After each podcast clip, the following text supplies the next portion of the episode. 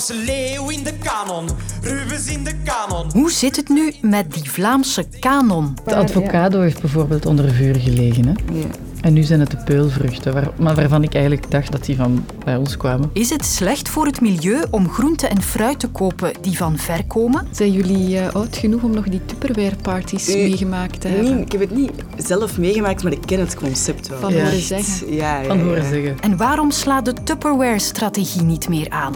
Ik ben Sophie van der Donkt en ik verpak dit nieuwe kwartier voor jou. Welkom. Het was al een hele tijd stil rond de Vlaamse kanon. Maar verschillende historici hebben die stilte vandaag doorbroken. Met een lange tekst vol bezwaren.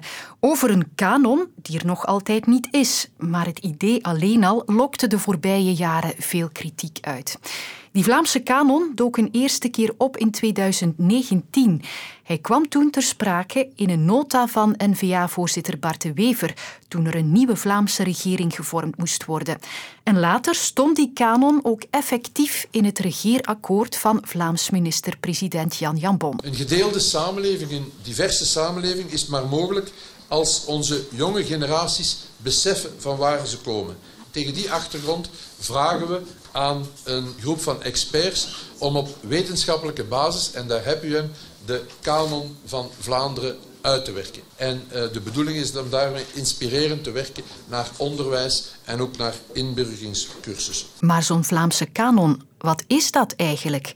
Onze cultuurjournalist Joris Vergeilen legt het uit in één minuut. Het Vlaams kanon, zoals critici het wel eens noemen. De kanon van Vlaanderen. Volgens Van Dalen is een kanon het geheel van zaken, personen en gebeurtenissen die algemeen als belangrijk worden erkend, zodat iedereen ze eigenlijk zou moeten kennen. In dit geval een lijst van 50 ankerpunten uit de Vlaamse cultuur en geschiedenis. Net zoals in Nederland. Er komt een website, net zoals in Nederland, met een tijdslijn en een soort virtueel museum, een uithangbord voor Vlaanderen. Er was een longlist van 500. Eén weten we al zeker: de Gulden Sporenslag. Over de andere 49 wil de commissie nog altijd niet veel kwijt. Het kan wielrennen zijn, of een recept, of belangrijke figuren zoals Rubens of Van Eyck. In die commissie van negen zitten geen politici. Wel literatuurwetenschappers, journalisten, filosofen, historici en kunsthistorici. En, dat vinden ze zelf belangrijk, ze stellen die lijst samen zonder politieke inmenging. Maar discussie zal die kanon sowieso opleveren. En komend voorjaar zou die kanon gelanceerd worden, maar de kritiek erover leeft dus al sinds het idee geopperd werd. Het ruikt echt naar mottenballen. Bijvoorbeeld bij Bruno de Wever, historicus en broer van de bezieler van de kanon Bart de Wever. Ik vind sowieso het idee van een kanon niet goed. Of bij nog een andere historicus, Karel van Nieuwenhuizen. Kijk, de kanon is al een verschrikkelijk woord. En ook schrijver Tom Lanois is er niet voor te vinden. onderneming, het principe van een kanon, is eigenlijk een principe dat niet goed is voor de geschiedschrijving, niet goed is voor het geschiedenisonderwijs enzovoort. En vandaag sloot ook Jo Tollebeek, historicus aan de KU Leuven, aan. Hij is de trekker van het nieuwe pamflet tegen de Vlaamse kanon. Een bloemlezing van hun kritiek de afgelopen jaren. Kanons duiden op onzekerheid, duiden op de, de wens om, om, ja, om via geschiedenis sterker te gaan staan. En daar dient geschiedenisonderwijs echt niet voor, hoor. Een kanon vertrekt altijd vanuit de hedendaagse ideeën, vanuit de hedendaagse doelstelling. En we gaan die terugprojecteren op het verleden. Het is misschien interessant om te zeggen dat de term Vlaanderen zoals wij die kennen, de term Vlaanderen die slaat op, het, op de noordelijke Nederlandstalige helft, als het ware, van België, dat die term pas in die zin is gebruikt vanaf de jaren 1860, 1870. Tevoren betekende de term Vlaanderen iets helemaal anders. Met andere woorden, zeggen dat bijvoorbeeld Rubens een Vlaming is, die heeft bijgedragen tot die Vlaamse geschiedenis, die uiteindelijk tot die Vlaamse onafhankelijkheid zou leiden, is anachronistisch. Rubens was een Duitse Brabander. Ik spreek liever over het opvullen van een geheugen. En daar mankeert het in Vlaanderen, vind ik, absoluut eh, veel aan. Als je dan vervolgens gaat zeggen, ja, we gaan een kanon creëren om een soort identiteitskaart te creëren, waarbij mensen dat volledig moeten kennen en opvolgen en honoreren, of ze krijgen geen papieren, of je hoort er niet bij, dan verzet ik me daartegen. Want dat is, als we de Europese geschiedenis kennen, dat is juist wat er vaak gebeurd is. De geschiedenis willen gebruiken voor politieke doeleinden. En met andere woorden, er wordt over het verleden gesproken in een domein waar dat eigenlijk niet toe, toe hoort. We hebben N-VA die zeer sterk een identitaire lijn heeft en die die Vlaamse identiteit wil gaan uitbouwen en blijkbaar geschiedenisonderwijs als een, eh, een instrument wil gebruiken en dus geschiedenis als dienstmeid gebruikt voor haar politiek project. Zo oud als een straat, want ja, het is, dat is een echte manier waarop in de 19e eeuw geschiedenis werd gebruikt. Hè. Conscience, romans, uh, romantisch verleden enzovoort. Het zit helemaal in die lijn. De grenzen van Vlaanderen vandaag zijn helemaal niet de grenzen van vroeger. De namen die in die preformatienota en toespraken enzovoort zijn genoemd, mochten we maar een teletijdmachine terug kunnen. En we gaan die mensen zeggen, voel jij u Vlaming? Ze zullen ons waarschijnlijk vierkant uitlachen.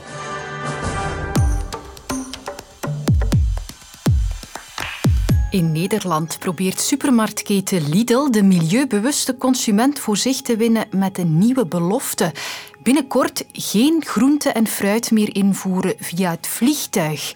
En jij kijkt in de winkel misschien ook meer dan vroeger op het etiket om te zien of die blauwe bessen of broccoli toch niet van de andere kant van de wereld komen. Maar maken we op die manier echt groenere keuzes? Tessa Avermaten heeft daar zicht op. Ja, goeiedag. Zij is experte duurzame voeding aan de KU Leuven. Ik schotelde haar vier vragen voor. 1. Lidl wil geen fruit en groenten meer laten overvliegen. Gaat dat ook echt een impact hebben? Als consument denken wij meteen, ja, een vliegtuig en voedsel dat van ver komt, ja, dat zal wel niet zo heel milieuvriendelijk zijn. Ons buikgevoel geeft dan aan dat is niet duurzaam. Dus die supermarkt die raakt daar meteen een gevoelige snaar. Nu, in de realiteit is, die, is er heel weinig voedsel dat eigenlijk met een vliegtuig wordt getransporteerd. Dat gaat over minder dan 0,2 procent van al het voedsel wereldwijd dat verhandeld wordt dat met het vliegtuig wordt getransporteerd. Uh, wat Lidl hier doet, is eigenlijk inspelen op een heel klein aanbod in onze winkel, waar dat ze nu plots gaan zeggen, kijk, daar gaan wij niet meer aan meedoen. 2. Klopt het als ik zeg, hoe dichter bij huis, gekweekt of geteeld, hoe beter? Dat is inderdaad wat ons buikgevoel heel vaak zegt, maar dat is helemaal niet waar. Als we iets willen doen aan onze voetafdruk van voeding, dan moet je eigenlijk vooral gaan kijken naar wat je eet en niet waar het vandaan komt. Het is eigenlijk, als we kijken naar transport, in heel de uitstoot van alle voeding die we produceren, dan is dat slechts goed voor 6%. Terwijl landbouw en landgebruik, die nemen meer dan 80% van de voetafdruk van voedsel voor haar rekening. Dus dat is een, een heel groot verschil. En met transport maken we maar een heel klein beetje verschil. 3. Kan ik beter zelf tomaten kweken of toch maar in de winkel kopen? U mag zeker tomaten telen. En ik weet de mensen die zelf tomaten telen in hun, in hun tuintje, die zeggen mijn tomaten zijn de lekkerste. Maar u moet ook wel weten dat die professionele tomatenteler dat heel wat efficiënter doet dan u in de tuin. Nu, in Vlaanderen zijn er heel veel zaken die wij heel goed kunnen telen. Dus die producten die we hier bij ons op onze grond en met ons klimaat goed kunnen telen, ja, daar moet u niet over twijfelen. Eet die van hier. Asperges en reclame, Maria. Drie potten 7 euro. Hola, Voilà, voilà. Komkommer, sla, aardbeien, wortelen, ajuinen, aardappelen. Als je kijkt naar de productiviteit van onze aardappeltelers hier in Vlaanderen, die hebben een enorm hoge productiviteit. Die kunnen dat met andere woorden heel erg goed. De algemene basisregel als het gaat over milieu-impact, dat we moeten voedsel produceren op die plaats ter wereld die er het meest geschikt voor is. Bijvoorbeeld, we moeten hier geen bananen gaan telen, we moeten hier geen mango's of appelsinen gaan telen. Laat die maar van ergens anders komen. En dat transport, zoals ik al gezegd heb, die impact, die is eigenlijk relatief beperkt. 4. Welke afwegingen zijn nu de belangrijkste als we eten kopen? Als burger zouden we een hele stap vooruit zijn als we met z'n allen wat gezonder zouden gaan eten. En een ander aspect, een goede balans tussen plantaardige producten en dierlijke producten. 60% van onze eiwitten komt uit dierlijke producten, 40% uit plantaardige eiwitten. Wel, eigenlijk zouden we die balans moeten omdraaien. Denk maar aan boontjes bijvoorbeeld, peulvruchten en 40% uit de dierlijke producten. Dat zou al een heel verschil maken op onze milieu-impact van voeding. Ik hou van verse groenten, van bloemkool en tomaat. Wij mensen hebben wensen, wij zijn toch zo verwend. Tomaten in de winter uit een ander continent. Als je het mij vraagt, hier is een vuiltje aan de lucht. Trek eens je keukenkasten open en daar valt wellicht wel ergens een plastic Tupperware potje of kom of keukenhulpje uit. If you want to lock in freshness, Tupperware really in. Van een hagelslagstrooier tot een hakmolen. Tupperware heeft het de voorbije 75 jaar allemaal gemaakt. Luchtdicht, slijt vast in aantrekkelijke kleuren en vormen. De eerste plastic bewaardozen zijn een uitvinding van Earl Tupper. Maar de doorbraak kwam er dankzij Brownie Wise, een alleenstaande moeder die met een nieuwe verkoopstrategie op de proppen kwam: de Home Party. Is. At a Tupperware home party. Goedenavond dames, allemaal hartelijk welkom op onze Tupperwareavond. Veel stereotyper kan bijna niet. Een verkoopster, bij Tupperware heet ze een consulente, gaat langs bij een gastvrouw die andere vrouwen bij haar thuis uitnodigt om samen keukenmateriaal te shoppen. Ik probeer nooit te overtuigen, enkel te verleiden. In de jaren 50, toen nog niet zoveel vrouwen aan het werk waren, was het wel een manier voor hen om minstens iets bij te verdienen en zelfstandiger te worden. Een kleine revolutie dus, ook maatschappelijk.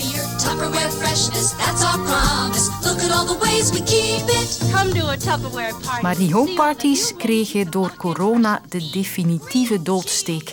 En vandaag lijkt het dekseltje niet meer zo goed te passen, want Tupperware dreigt failliet te gaan. Hoe dat komt, vraag ik aan trendwatcher Nathalie Becks, die zelf geen collectie staan heeft thuis.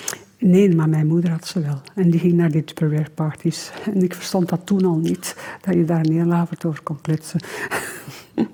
Maar in de beginjaren was dat wel een groot succes, hè? Dat was ook een schot in de roos, omdat toen de ijskast ook opkwam. Dus je kon restjes bewaren. En dan waren die Tupperware-doosjes ideaal. En je had nou echt nog het model van man uit werken, vrouw aan de haard. En ja, die Tupperware-parties waren echt succesvol. Je kwam samen met gelijkgestemde zielen, met vriendinnen, met buurvrouwen. Je kreeg uiteraard de nodige korting. En toch wel heel belangrijk, jouw hele avond had je aandacht voor één product. Dat is bijna ondenkbaar vandaag de dag. Waarom lukt dat niet meer? Wij hebben geen tijd. Wij, eh, wij doen dat niet meer. Wij hebben zoveel op onze agenda. En zolang dat we ook leven, we willen meer beleven, we willen werken, we willen uh, gaan sporten enzovoort. Wij hebben daar geen tijd meer voor. En dan is er een tweede ding natuurlijk. Zo'n potje, ja, dat gaat de kast in. Hè. Het zit niet top of mind bij jou. Het is een opbergmateriaal. Dus er is ook geen emotionele binding echt met zo'n potje. Wat je wel misschien hebt met, met schoonheidsproducten of met verzorgingsproducten. Uh, Tupperware was misschien een voorloper met dat concept van de homeparties. Zijn er daarna nog gevolgd en met succes? Ik herinner mij toch ook in de tijd van Tupperware, wie dat direct gevolgd is, Avon. Avon, dat was eigenlijk een ja, verzorgingsproductenmerk. En dat is de tijd van Tupperware gelijk opgegaan. Maar vandaag dag hoor je ook niks meer van Avon. En dan denk ik ook aan Milijn, ook verzorgingsproducten. En waar je over praat enzovoort. Dat bestaat nog vandaag de dag, maar ook daar is de concurrentie heel groot. Hè. Als je vandaag de dag ziet de blogs van influencers, hoe dat zij producten gebruiken en aanprijzen, ja, dat is ook persoonlijke aandacht. Hè. Dus uh, ik denk homeparties, een hele avond rond één product. Ja, die, mensen krijg je niet meer bijeen. Je zou net denken, influencers spelen vandaag een belangrijke rol. Zij kunnen van alles en nog wat aanprijzen op sociale media. Dus op die kaart zou Tupperware toch ook kunnen springen? Ja, maar uh, geen enkele influencer die zich tot één product beperkt. Die vertellen over lifestyle, wat zij gebruiken voor die lifestyle. En dat is meestal een verzameling van producten. En ja, het is één product Tupperware. Dan zouden ze een alliantie moeten aangaan met voedingsfabrikanten enzovoort. En dat, dat zou niet meer lukken, denk ik. En in der tijd was Tupperware misschien een pionier. Maar intussen is er veel keuze, goedkopere keuzes ook. Dat klopt. Het is inderdaad zo dat we vandaag crisis hebben. En het is niet dat wij willen bezuinigen op uh, ons eten. Wij willen gewoon goedkoper eten. Wij willen goedkoper spullen kopen. Wij willen goedkoper op prijs. Wij willen dus meer voor ons geld. Dat wil zeggen dat we voor heel wat producten uh, alternatieven gaan zoeken die goedkoper zijn. En dan is Tupperware waarschijnlijk een van de eerste die sneuvelt, omdat het duurder is dan al die alternatieven online. Dat hebben we er niet voor over. Nee. Dat is geen emotionele band met een potje dat je in de kast gaat zetten. hè. Ik sluit het potje af voor vandaag. Morgen haalt Lode een nieuw uit de kast. Tot dan. Luister ook naar Thank You Boomer, waarin Thibaut Christiansen uitzoekt welke artiesten we echt tijdloos mogen noemen. Nu in de app van VRT Max.